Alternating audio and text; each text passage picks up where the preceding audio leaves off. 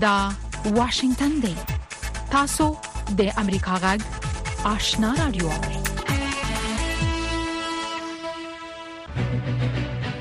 قدرمن اوریدونکو السلام علیکم زه شافیا سردار یم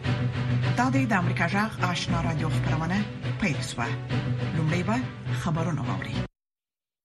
ویاند احمدالله ارچیوال د نجونو، ښځو او بشري حقونو لپاره د امریکا ځانګړې استازې رینا امیري د ملګرو ملتونو د سرمنشي د مرستیالې امینې محمد سره د افغان میرمنو د وضعیت په اړه لیدلي.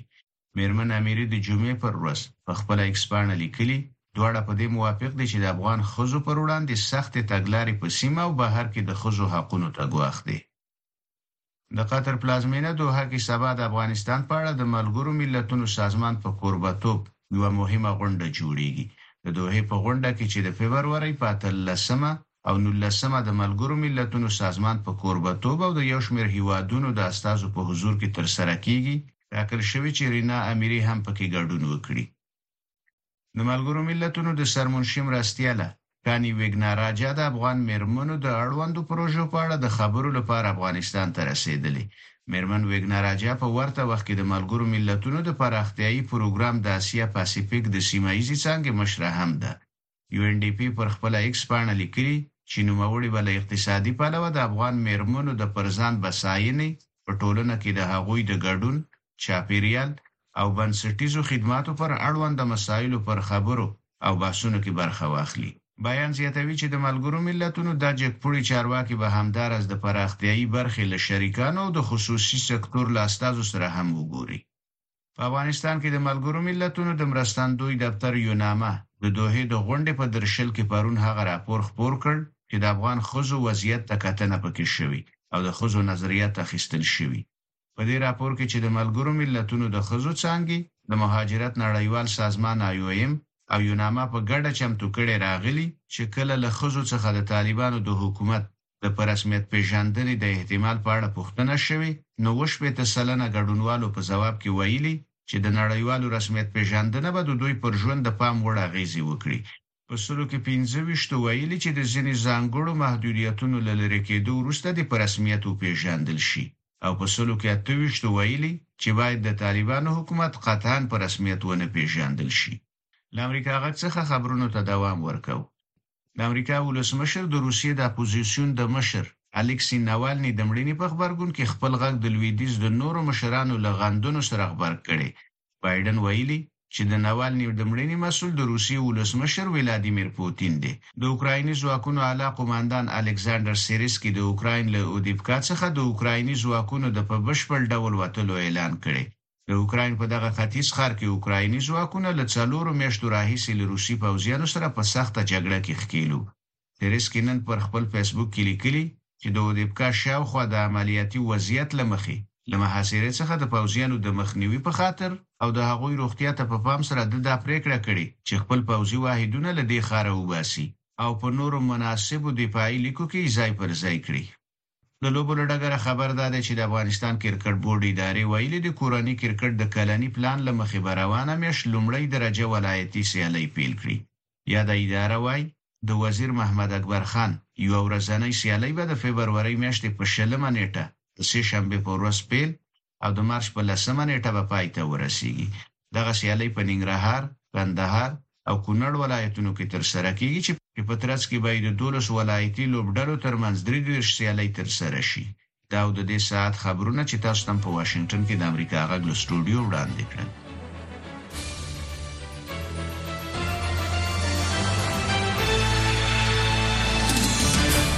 خبرونه مو د امریکا غږ آشنا رادیو څخه واوریدل.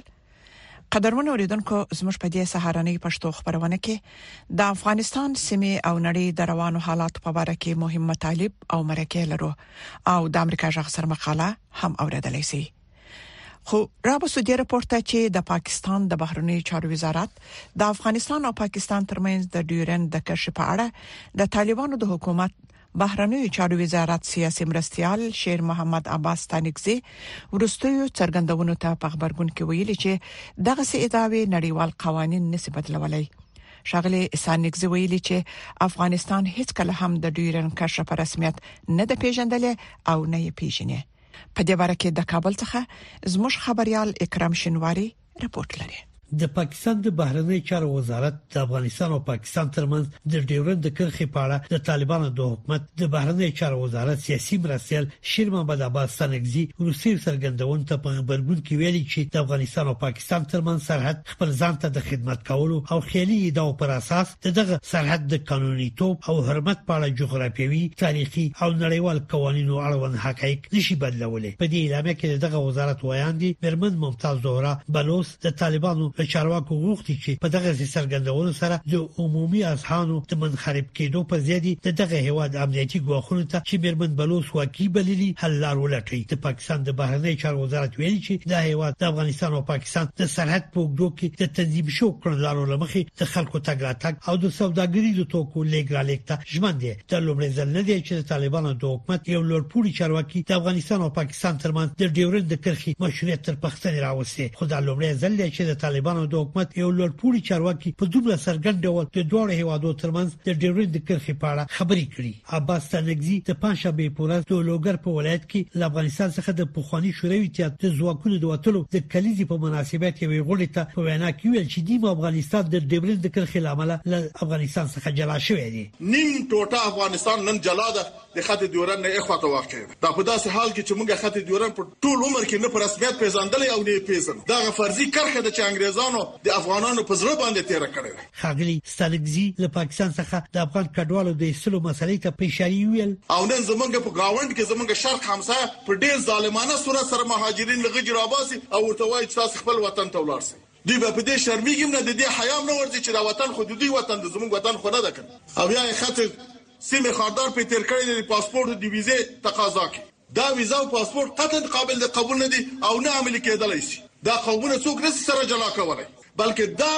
عمل د دوی، دا تصمیم د دوی به سبب د دې شي چې بیا به د نولس سوه او یو اویاویم کال د بنګال موضوع را سرته کېږي او انشاءالله الرحمن دا ملکونه به ازادېږي. دا چې افغانستان ته په دې شلو کلو کې، هره مرمۍ راغلې، هر توپ راغلی، هره طیاره راغلې او زما د مجاهد په تندي لګېدلې، په سینه لګېدلې، د دې تاریخ معلوم ده، خلک یې معلوم دي، مدعیان زموږ معلوم دي، خو که افغانستان ارامه کېده، په خپلو پښو درېده، بیا به د هرې مرمۍ حساب ان شاءالله سره کوو. د طالبانو د حکومت د بهرنیو چارو وزارت سیاسي مرستیال وویل چې هیڅوک نشي کولای چې دا قومونه سره جلا کړي، بلکې د هغه په وینا دا د دې سبب ګرځي چې د نولس سوه یو اویا کال د بنګال موضوع مطرح شي، د پاکستان. پاکستان د بهرنی چارو وزارت د ویاندې د دغه څرګندونو د مخه د پاکستان د لړمحاله حکومت صدر اعظم د انوار الحق کاکړ د څرګندونو څو ورځې وروسته کړي خاغړي کاکړ د طلوع نیوز تلویزیون سره په مرکه کې ویلي چې د ورن کرخه د افغانستان او پاکستان ترمنځ یو نړیواله کرخه ده هغه ویل چې نه یوازې پاکستان بلکې ټول نړۍ د ملګرو ملتونو 206 غړي هیوادونه دا کرخه د دوه هیوادو ترمنځ د سرحد په توګه پیژني د افغانستان په خوانی حکومتونو له پاکستان سن سره د هند په نیمه وچه کې د برتانیا د حضور پر مهال د خکل شو حدودو په اړه چې په 1993 کال کې په نخښه شوی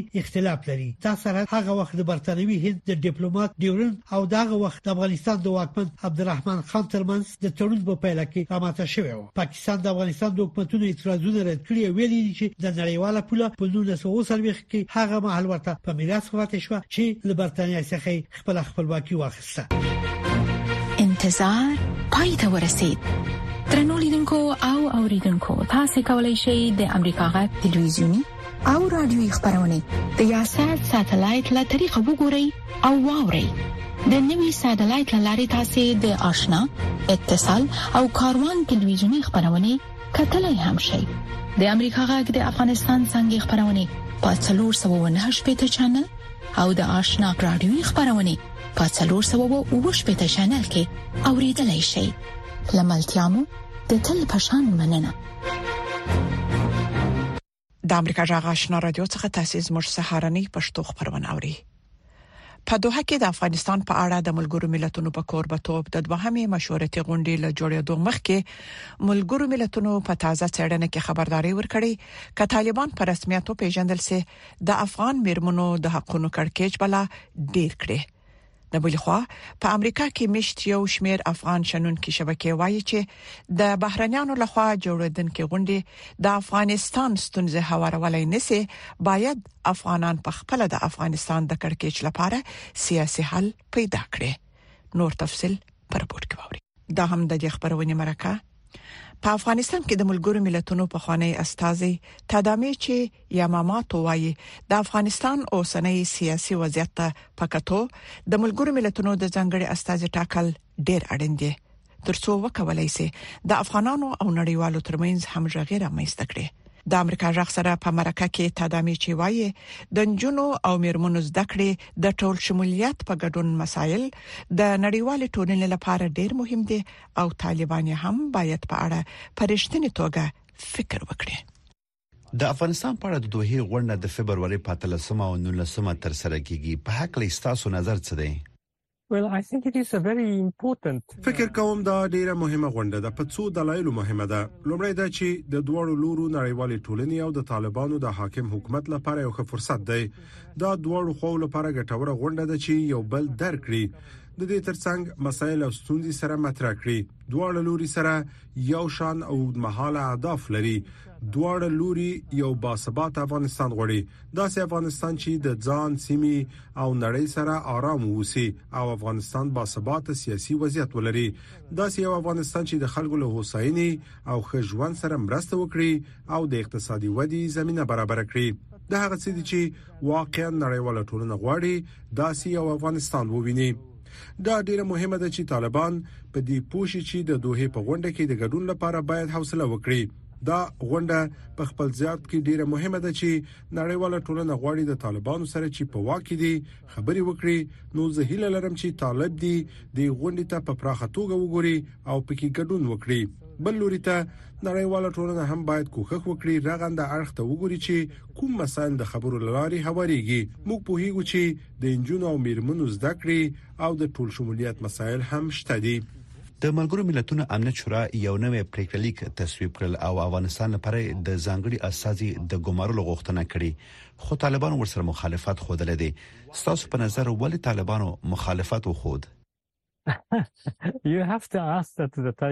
دا باید له طالبانو وپوښتئ هغوی د ملګرو ملتونو د ځانګړي استازي د ټاکلو په حق لکه کیدای شي ځینی مسایل ولري خو لا تر اوسه د هغوی رول څرګند نه دی دا باید تصویب شي او کېدای شي چې مثبت وي ان د طالبانو له نظر هم دا کېدای شي مثبت وي زما مطلب دا دی چې ځانګړی استاذي کولای شي د طالبانو او نړیوالې ټولنې ترمنځ ارتباط د یو پل په توګه هڅه وکړي که ځانګړی استاذي هڅه وکړي چې د دوړو لورو درېځونه درکړي او د پخلاینې لپاره هڅه وکړي وړاندیزونو ته پام وکړي دواړه نړیواله ټولنه او طالبان کولی شي اختلافات سره هوار کړي نو کېدای شي طالبان د ځانګړي استازي دنده احساس نه کړي د څه لپاره چې ګمارل شوی دی د هغه څه دي چې ما تاسو ته وویل زه نه پوهیږم چې طالبانو ولې د ځانګړي استازي له ټاکلو سره مخالفت خوده لیدای زما په شخصي نظر ځانګړي استازي کول شي ډیر ګټور وي او د اوږد مهال اهدافو سره مرسته وکړي په کورنۍ او سیمه ییزه کچه کار وکړي ترهګرۍ د نشي توکو د لمنځه وړلو لپاره د طالبانو له هڅو او افغانستان ته د نړیوال ټولنې د مرستو رسولو په برخه کې مرسته وکړي په شخصي توګه د ځانګړي استاد له ټاکلو سره زه هیڅ منفي نظر نه لرم طالبان وایي چې په افغانستان کې د یوناما د ماموریت ترڅنګ د ځانګړي استاذ ټاکل ته اړتیا نشته فکر کوي ځانګړي استاذ ته اړتیا شته کله چې د اړتیا خبره یادیږي فکر کوم دا یو څه پیچلې ده. زه د یونما مشر وم. که له ما پوښتنه وشي چې د ځانګړي استازي ټاکلو ته اړتیا شته؟ کیدای شي ووایم چې نه. خو په اوسني وضعیت کې چې لا د مخه پریکړه شوې ده او د ځانګړي استازي د ګومارلو لپاره د ملګرو ملتونو امنیت شورا لخوا په دې هکله لایحه تصویب شوې ده، نو باید په دې حق له فکر وشي چې په اوسنی وضعیت کې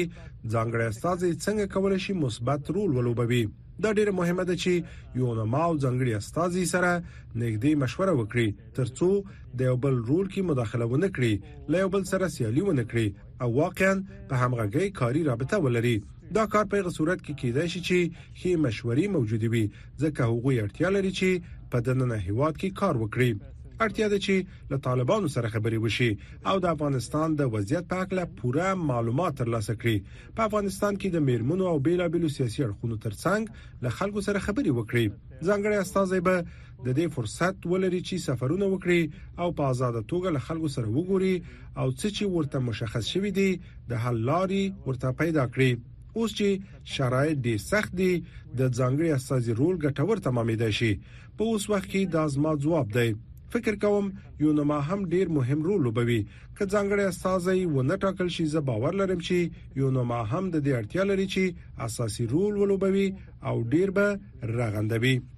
نړیوال ټولن طالبان د افغانستان د مشروع حکومت په توګه په رسمیت نه دی پیژندلی فکر کوي هغه به په نګدي راتلونکو کې په رسمیت وپیژني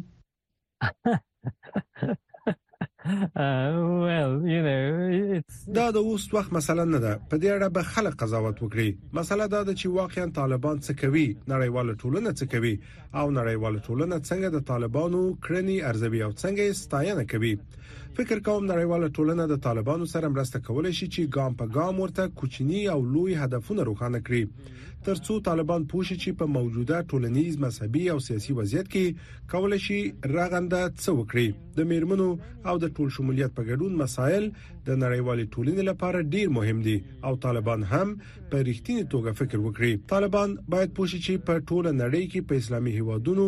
او پر مخودي هیوادونو د میرمنو او د ټول شمولیت په ګډون مسایل د نړیوالې ټولنې لپاره ډیر مهم دي او طالبان هم باید په رښتینی توګه فکر وکړي طالبان باید پوه شي چې په ټوله نړۍ کې په اسلامي هیوادونو او پرمختللي هیوادونو کې د میرمنو مشارکت او د میرمنو پیاوړي کول هغه څه دي چې د کلونو په اوږدو او وخت په تیریدو سره په پرمختللو ټولنو کې ثابت شوي دي او خلکو دا ثابت کړې ده چې د میرمنو زده کړې ډېری مهمه دي او په هیواد کې د میرمنو د حضور پرته پرمختګ ناشونی دی که میرمنې حضور ونه لري ټولنه پیاوړې کېدای نشي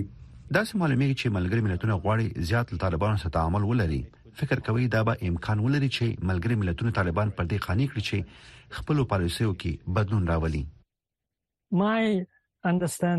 زما د څلوي کلنۍ تجربې لمخې تر هغه چې هغوی په خپل ځان بدل نکړي تاسو نشئ کولای چې څو قانې کړئ موږ کولای شو هغوی ته تشریح کړو او طالبانو ته تشریح کړو لکه څنګه چې ما هڅه وکړه دا مشخصه مسله څومره مهمه ده او غوي باید په خپل ځان قانې کړي دوی باید په خپل پوه شي چې دا څومره مهمه مسله ده نو بهرانيان نشي کولای چې څو قانع کړي نو زه هیله لرم چې طالبان د افغانستان څخه بهر له هیوادونو لکه جاپان اسلامي هیوادونو مالیزیا سنگاپور مصر سعودي عربستان ایران ترکیه او ځینو نور پرمختللو هیوادونو لکه چین هند او داسې نور سره مذاکرات وکړي دوی باید خپل ځان قانع کړي چې په حقیقت کې دا هیوادونه څه کوي فکر کوم دا یوازینی لار ده دوه کاله وشول چې طالبانو د شپږم ټولګي څخه پورته د نجونو پر زده کړو بندیز لګولې دي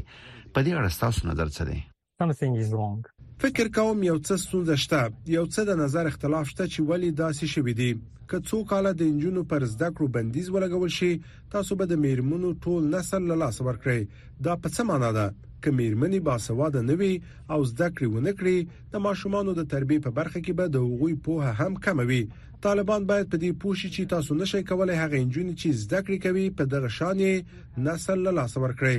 دا کومه سیاسي مسله نه ده دا د هیواد او خلکو د بقا مسله ده واقعا زه خوښ نه یم چې ولی دوی دا کار کوي متضاد اړخونه بیلابیل دریزونه د سپیناوي تود مخامخ بحث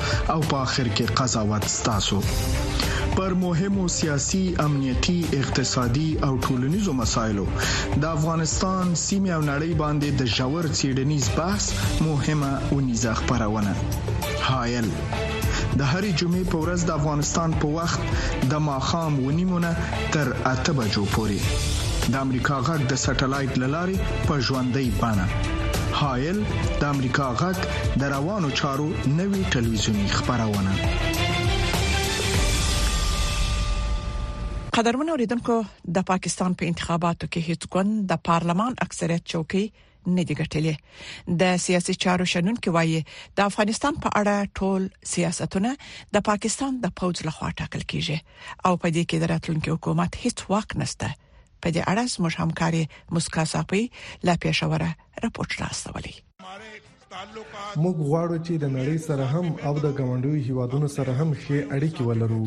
موږ به د هغوی سره د اړیکو ښه کولو کوښښ وکړو. د پاکستان پخواني صدراعظم د فبرورۍ په نهمه له ګاونډیو هیوادونو سره د ښو اړیکو پر جوړولو ټینګار کړی، خو د شنونکو په وینا د پاکستان او افغانستان اړیکې یوازې د پاکستان د پوځ په واک کې دي او راتلونکي حکومت به پکې هیڅ رول ونه لري. مین مسله په پاکستان او افغانستان په تعلقاتو کې په خو په بد کې زموږ د اسټابلیشمنت کردار ډیر مهم دی چې هغه نه دی ټیک هغه د اسټابلیشمنت په دې باندې زورور دی او د اسټابلیشمنت خبره من لکېږي کوم وګورو سیاسي چې څومره جماعتونه دي هر جماعت غواړي چې د افغانستان سره موږ تعلقات خوي خو د اسټابلیشمنت د لاسه مجبور دي چې بیا هغه څه کوي هغه سیدو فشل هغه پالیسی دوی هم خپلوي نو نن هم داسې دا کا هغه پی ایم ایل ان راځي هم بذات خود هغه پارټي با خوي چې را مونږ خ تعلقات جوړول غواړو کا پیپل پارټي راځي هغه هم غواړي کا پی ټی آی راځي هغه هم غواړي خو اسټابلیشمنت چې څه غواړي دوی به ما کوي د پیښور د مطبوعاتو د ادارې مشر ارشد عزیز وایي راتلونکي حکومت به پر یو لړ مهمو موضوعاتو د افغانستان سره خبرې ولري خو خای ځینې پالیسۍ به بدلې نشي زما ذهن کې دا دی چې په کار دا چې نوې حکومت راشي نو دا بیا د سره دوانو پاکستان او افغانستان میانس کې خبرې په کار دي چې وشي ډېر ایشوز دا سې دي چې باندې یو خبرې چې موږ یو نیم کال مکمل پالیسی زمانه د شخص بدل شي پالیسی چونکه جوړیږي سټیټ لیول باندې او هغه کې صرف سیاسي خلک نه وي سیاسيانو سره نور اسټابلیشمنت هم ور سره وي نو سب دا سي غدي مثال خبره چې دلته نه چې کوم ماجرینو داغي واپسی وا هغه پالیسی خو نه بدليږي د شنونکو په باور تر څو چې په افغانستان کې واکمن طالبان د هغو ترهګرو ډلو مخه ونه نیسي چې پاکستان ته ګواښ پېښوي د دغو هېوادونو ترمنځ به اړیکې ټینګې نه شي. او خارجه پالیسۍ باندې دلته کې کنټرول د حکومتونو نه دی پاتې شوی د شورو نه که تاسو وګورئ نو په دې باندې چې کم په ساده لفظونو کې کومنګو اسټابلیشمنت یا فوج دلته کې دغه خارجه پالیسی هغه کنټرول کوي او دغه تعلقات د پاکستان او د افغانستان ترمنځ ترغه پوري نشي سمیده او معمول ته نشي راتللې ترسو پورې چې زما په خیال باندې په افغانستان کې د ټي ټي پی ډله پاکستان مخالف چې کوم جنگیالي التکی ناشتي دي دغه خلاف افغان طالبانو اکشن نوي اخسته کاروایی نوي کړی دغه راز په پاکستان کې له انتخاباتو وروسته د کوم ګوند د واکمنۍ په اړه لا هم غوڅه پریکړه نه ده شوې او نه هم د افغانستان په اړه د دغه هیواد راتلونکي تګلاره څرګنده شوې د شنونکو له نظره په پاکستان کې د بې باورۍ په حال کې تر سره شوې ټاکنې به دلته د روانې سیاسي بې ثباتۍ او امنیتي ستونزو د لا ډېرېدو سبب شي مسکا صافی امریکا غږ پېښور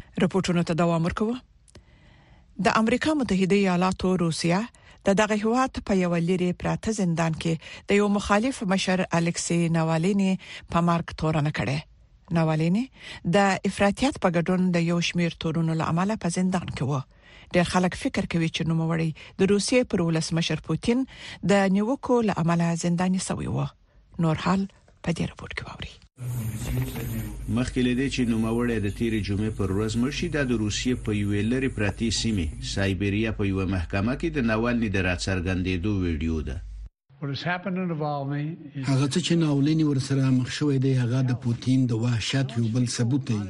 هیڅوک باید په کور دننه په روسیا کې او د نړۍ په هیڅ برخه کې په دې خبرو غلط نشي لکه څنګه چې مونږ په اوکرين کې وینو پوتين نه یوازې د نورو هیوادونو وګړي وژني دای د خپل خلکو پر وړاندې هم وحشتناک جرمونه کوي د اوکراین د ولسمشر په ګډون نورو لویدیزو مشرانو هم د ناوالني مړینه غندلې ښکاره خبره ده چې پوتین نوموړی وواژه دا هم د هغو زرګونو خلکو په څیر دی چې شکنجه کیږي دوی د یو مخلوق له امله شکنجه کیږي پوتین دې پروا نه کوي چې څوک مړ کیږي، د نوموړي لپاره یوازې دا چې څنګه په واک کې پاتې شي مهمه ده. د روسیې د ولسمشر او په روسیه کې د اختلاس سرسخت مخالف اووه څلوېښت کلن ناوالني د مړینې پر مهال خپل دېرش کلن بند تېرولو. د الکس ناولاني مېرمن هم روسیه او هم د روسیې رژیم دواړه باید په تیرو څو کلونو کې زما په هیواد روسیه کې د روانو وحشتونو مسؤلین وګڼل شي.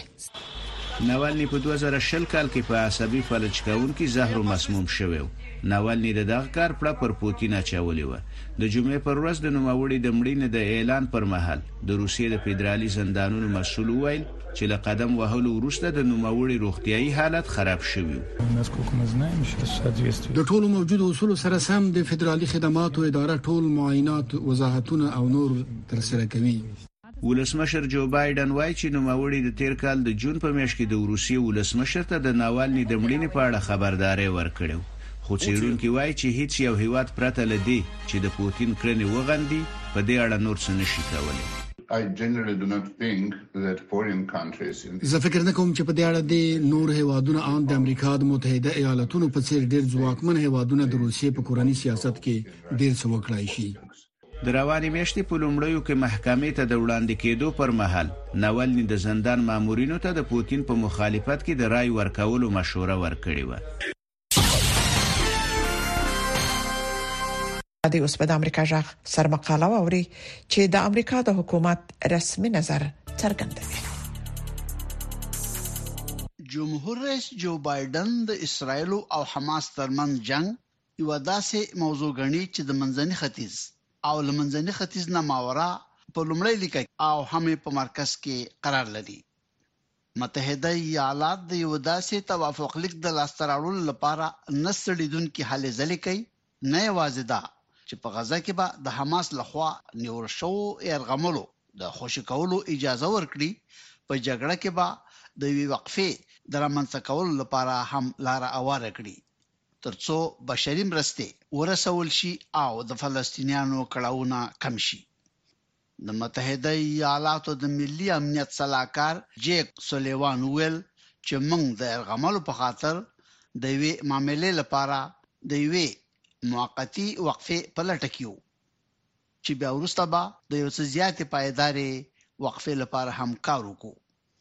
نوموړي وویل هغه څه چې موږ یې غواړو ویې ګورو دا دي چې په غزې او اسراییلو کې سوله او امنیت ټینګ شي او حماس بالاخره ماته وخوري او موږ د یوه دوه دولتي حل او د اسرایلو د امنیت اړوندو اوږدې مودې مسایلو حل کولو ته مخه کړو. د بهرنیو چارو د وزارت ویاند میتیو میلر د اسرایلو له دې حق سره چې د اکټوبر د اوومې بریدونه باید بیا تکرار نه شي د متحده ایالاتو په ملاتړ تاکید وکړ. او وویل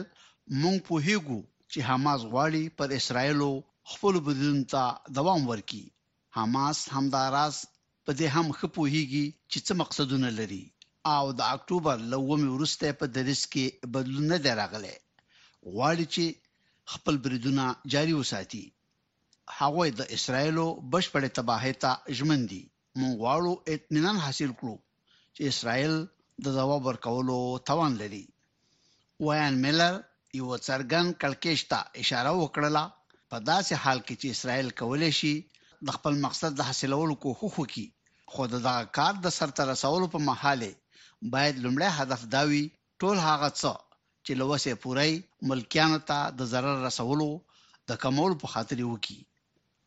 دا دوه شیان دي چې موږ پرې یقین او باور لرو. جمهور رئیس جو بایډن په سپینه ماڼۍ کې د اردن له پاچا ملک عبدالله سره د وروستۍ کتنې په مهال په دې شخړه کې له اووه ویشت زرو نه زیاتو فلسطینیانو د مړینې غندنه وکړه. او وویل، هر بې ګناه انسان چې ژوند یې په غزه کې له لاسه ورکړی، یوه تراژیدي یا غمیزه ده.